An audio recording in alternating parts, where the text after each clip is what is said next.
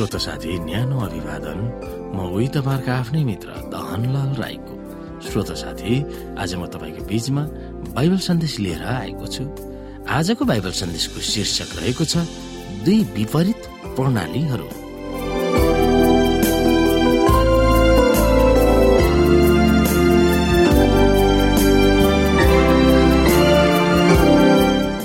श्रोता परमेश्वरको सत्य र बाइबल सम्म चर्चको बारेमा कसरी वर्णन गरिएको छ त्यसप्रति शैतानको प्रतिक्रिया के छ भनेर हामी विभिन्न बाइबलका पदहरूलाई हेर्न सक्छौँ।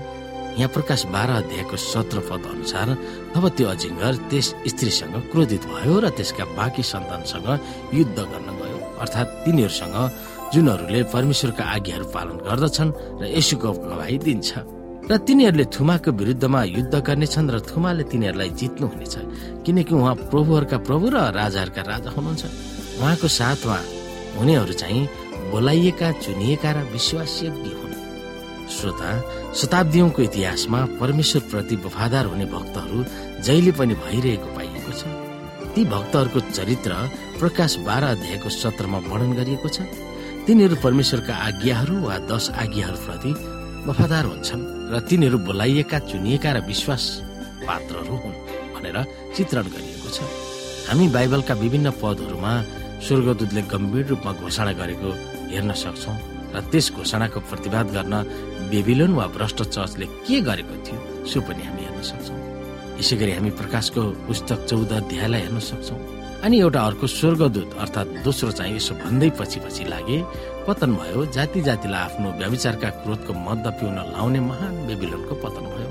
यसै गरी प्रकाश सत्र अध्यायको एकदेखि हामी हेर्न सक्छौँ।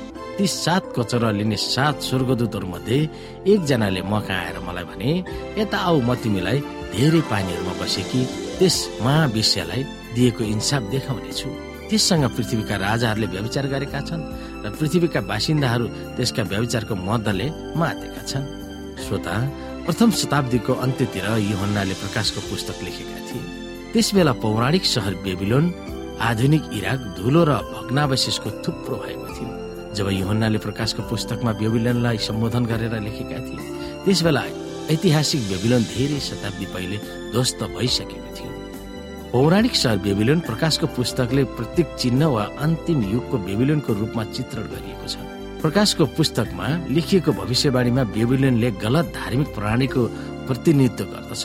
पुरानो करारमा वर्णन गरिएको बेबिलोन मूर्ति पूजक थियो र मानव निर्मित धर्म र दर्शनहरूको थलो थियो। यौनाले लेखेका बेबिलोनको सहरको चरित्र पनि गलत र भ्रमात्मक धार्मिक प्रणालीको हुनेछ भनिएको छ।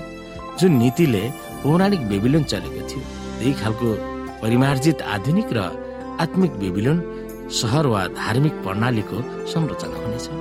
प्रकाश सत्र अध्यायको एकदेखि छको स्त्रीलाई यसरी वर्णन गरिएको छ ती सात कचौरा लिने सात स्वर्गदूतहरूमध्ये एकजनाले म आएर मलाई भने यता आऊ म तिमीलाई धेरै पानीहरूमा बसेकी त्यस महावेश्यलाई दिएको इन्साफ देखाउनेछु। त्यससँग पृथ्वीका राजाहरूले व्यविचार गरेका छन् र पृथ्वीका बासिन्दाहरू त्यसका व्यविचारको मतले मातेका छन्। अनि तिनले मलाई आत्मामा बोकेर एउटा उजाड स्थानभित्र लगे त्यहाँ सातवटा शिर र दसवटा सिंह भएको ईश्वर निन्दाका नाउँहरूले भरिपूर्ण भएको चहकिलो रातो रङको पशुमाथि बसेकी एउटी स्त्रीलाई मैले देखेँ।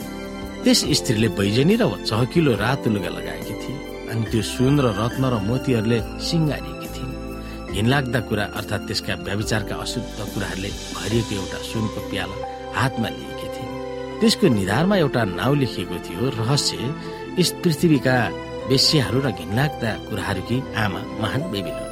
अनि मैले त्यस स्त्रीलाई सन्तहरूको रगत रेसुका शहीदहरूको रगत पिएर मातेकी देखेँ। त्यसलाई देखेर म साह्रै अचम्मित भएँ। समयको परिधिहरूमा त्यस स्त्री घुम्ने छिन्। त्यो स्त्री रातो रङको पशुमाथि चढ्थिन् बाइबलले सरासर त्यसलाई बेस्या भनेर सम्बोधन गर्दछ। उनले उनको सही प्रिय यशु ख्रिस्टलाई त्यागेकी छन्। यहाँ प्रेरित हुनाले भ्रष्ट धर्मको प्रणालीलाई ज्वलन्त चित्रण गरेको छ। त्यस भ्रष्ट धार्मिक समूहले सारा संसारलाई शक्तिशाली प्रभाव पारेको छ। त्यहाँ लेखिएका शब्दहरू हामी हेर्न सक्छौँ। यस स्त्री वा शक्तिसँग पृथ्वीका राजाहरूले व्यविचार गरेका छन् र पृथ्वीका बासिन्दाहरू त्यसका व्यविचारको मतले मातेका छन्। रक्सीले मातिएको वा कथन बाइबलमा जहिले पनि नकारात्मक स्वभावको चित्रण हो। वेश्यावृत्ति वा व्यविचार हो। यो मूर्ति पूजा गलत शिक्षा दीक्षा गलत धार्मिक प्रणाली र बाइबलसँग बाँचिने व्यवहार दुवै राजनैतिक धार्मिक अगुवाहरू र सर्वसाधारण मानिसहरू त्यस शक्तिको नकारात्मक प्रभावमा परेका छन्। त्यसबाट जोगिन केवल के उपाय छ? हामी यहाँनिर हेर्न सक्छौ। आउनु श्रोता हामी एफिसीको पुस्तक छ अध्यायलाई हेरौँ।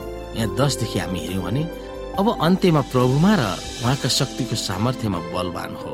दियावलसका युक्तिहरूका विरुद्धमा खडा हुन सक्नलाई परमेश्वरका सारा हात हतियारहरू धारण गर।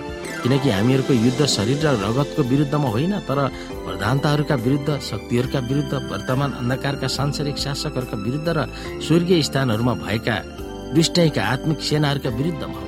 यसै कारण परमेश्वरका सारा हात हतियार उठाओ र यसरी खराब दिनको सामना गर्न सक र सबै काम गरेर खडा हुन सक्ने हो। यसकारण आफ्ना कम्मर सत्यले कसेर धार्मिकताको छाती पाता लाएर खडा हो र खुट्टामा मिलापको सुसमाचारका जुत्ता लाएर तयार हो। साथै विश्वासको ढाल पनि उठाऊ जसबाट तिमीहरू दुष्टका सबै अग्निबाण निभाउन सक्नेछौ। मुक्तिको तोप लगाऊ र पवित्र आत्माको तरबार ल्याऊ जो चाहिँ परमेश्वरको वचन हो। सारा प्रार्थना र निवेदन साथ सबै समय पवित्र आत्मामा प्रार्थना गर। यस उद्देश्यले लगनशील र सतर्क भएर सबै सन्तहरूका निम्ति प्रार्थना गरिरह। एफिसी छ अध्यायको दसदेखि अठार। श्रोता यिनै विषयमा हामी विचार गर्न सक्दछौ र यसैमा हामी लाग्न सक्दछौ।